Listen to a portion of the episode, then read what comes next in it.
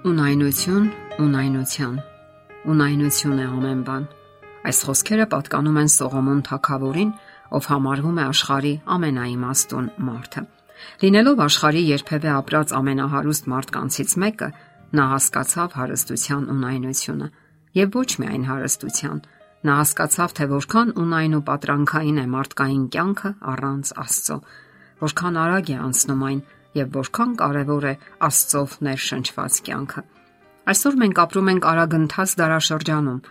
էլեկտրոնիկայի, գիտության ու տեխնոլոգիաների հագեցած դարաշրջանում, սակայն դա էլ չի լցնում մարդու կյանքը եւ չի հարստացնում նրան։ Մարդը, որ ապրում էր լավագույն հույսերի ու երազանքների թմբիրի մեջ, այսօր հուսախապ կանգ է առել։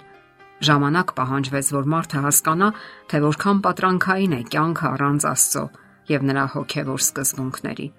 Ժամանակակից մարդը կարծես կորցրել է իրականության զգացումը եւ ապրում է պատրանքների մեջ։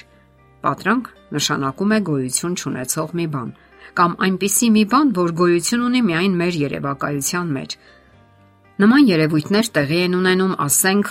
անապատում ճանապարհորդող մարդկանց հետ։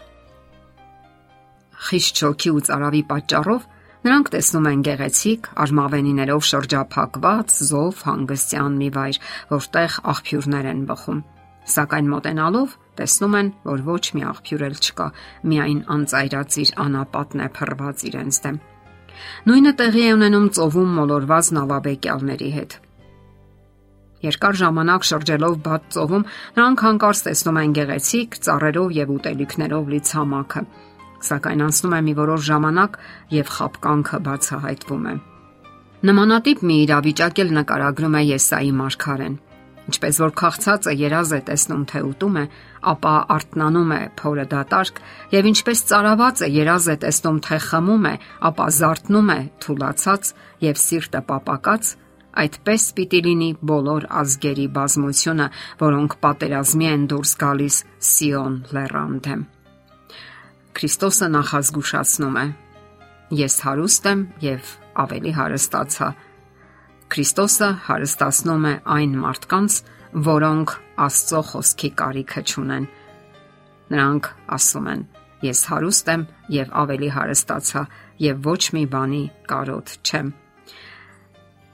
Հետևում է պատասխանը, բայց չգիտես, որ դու թշվառ ու ողորմելի, աղքատ, կույր ու մերկ ես։ Հարստության այս պատրանքներն են բնորոշ երկրներին ու ազգերին, ովքեր նյութական հարստության մեջ մոռանում են հոգևոր գանձերի մասին։ Նրանք նորանոր շուկաներ են գրավում, ավելի ու ավելի շատ ապրանքներ են արտադրում եւ հսկայական հարստություն կուտակում։ Իսկ խելագար մրցավազքը թույլ չի տալիս նրանց հանգստանալ, կանգ առնել եւ շունչ առնել, հասկանալ, թե ինչ է կատարվում շուրջ բոլորը, հասկանալ իրենց հոգևոր աղքատությունը։ Տեղեկատվական հեղեղը մեծ խնդիր է այսօր։ Այս մասին զգուշացնում են բոլոր ոլորտների մասնագետները, հոգեբանները։ Տեղեկատվական հեղեղ, որ թափվում է մեր օրերի մարդու գլխին գիտատեխնիկական եւ այլ գիտելիքների տեսքով, եւ մարդը պարզապես խեղդվում է այդ հեղեղի մեջ, որ ռմբակոծում է իր ուղեղը։ Հասկանալի է, որ այդ ամենն ունի նաև դրական կողմ, սակայն մարդը չի հասցնում մարսել այդ ամենը եւ կորցնում է կողմնորոշումը որովհետև աննկատ թաքնված կերպով տեղի է ունենում հոգևոր աշխարհի աղքատացում, բարոյական արժեքների սանդղակի նվազում եւ ի վերջո բարոյականության անկում, թե հասարակական եւ թե անձնական մակարդակում։ Իսկ մարդիկ շարունակում են որոնել։ Մեծ քաղաքները հորինում են հազար ու մի զվարճանքներ, որովհետև նրանց հոգիները քաղցում են եւ նրանք ծարավի են հոգևոր սննդի, որը երբեք չի կարող հագենալ նյութական ոչ մի արժեքով։ Իսկ այդ նույն ժամանակ երրորդ երկրների աղքատ բնակչությունը նախանձով եւ սրտի փափագով է նայում, թե ինչպես են զվարճանում այս աշխարհի ուժեղներն ու երջանիկները։ Նրանք երազում են ունենալ ընդհանրը հանապազորյա հաց, ծածկ գլխավերևում եւ փոքրինչ ապահովություն։ Սողոմոնը շարունակում է իր միտքը. ունայնություն ունայնությանց ունայնություն է ամեն ինչ։ Ինչ օգուտ ունի մարդ իր բոլոր տարապանքից, որ քաշում է արեգակի տակ։ Ինչն է պատճառը մահացու ամայության ու դատարկության, որ զգում է մարդը իր երկրային կյանքում։ Պողոս Արաքյալը պատասխանում է այդ հարցին,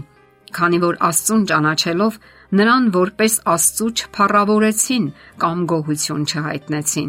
այլ իրենց մտածումներում ունայնացան եւ նրանց անմիջ սրտերը խավարեցին, ասելով թե իմաստուն են, հիմարացան։ Հնարավոր չէ ավելի դիպուկ եւ տեղին ասել։